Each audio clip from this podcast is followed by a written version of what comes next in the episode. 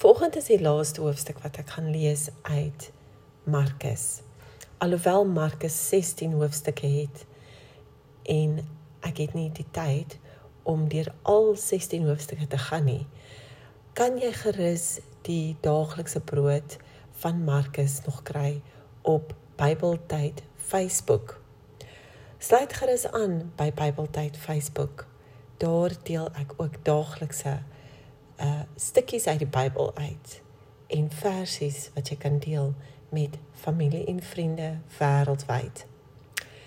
Vanoggend lees ons ons laaste stuk uit Markus Markus 4 vers 35 tot 41. Ons fokusteksvers is Markus 4 vers 40 tot 41. Toe sê hy vir hulle: "Waarom is julle bang?" Het julle dan nie geloof nie? Hulle is met groot onsag vervul en het vir mekaar gesê: "Wie kan hy tog wees dat selfs die wind en die see hom gehoorsaam?" Die punte wat ons gaan aanhaal, nommer 1, hierdie wonderwerk van Jesus vind op die see van Galilea plaas. Nommer 2, dit is 'n meer ongeveer 18 km lank 9 km breed en 210 meter onder seevlak. En die omliggende koppe en heuwels veroorsaak dat die wind dikwels met ewige rukke en stote oor die see waai.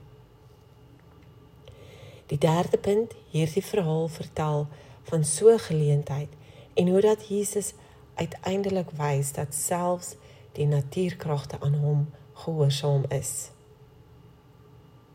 Die vierde punt, die disippels vrees dat Jesus nie vir hulle omgee nie, maar nadat hy die storm bestraf het, beveel hulle beleef hulle, skus, en sou hulle mettertyd meer en meer ontdek dat alle mag in die hemel en op aarde aan Jesus, die seun van God behoort. Die laaste punt, net so het Jesus ook mag oor die storms in jou lewe. Vertrou hom om dit stil te maak. Kom ons bid saam. Here Jesus, dankie dat U saam met my in die storm is. Amen.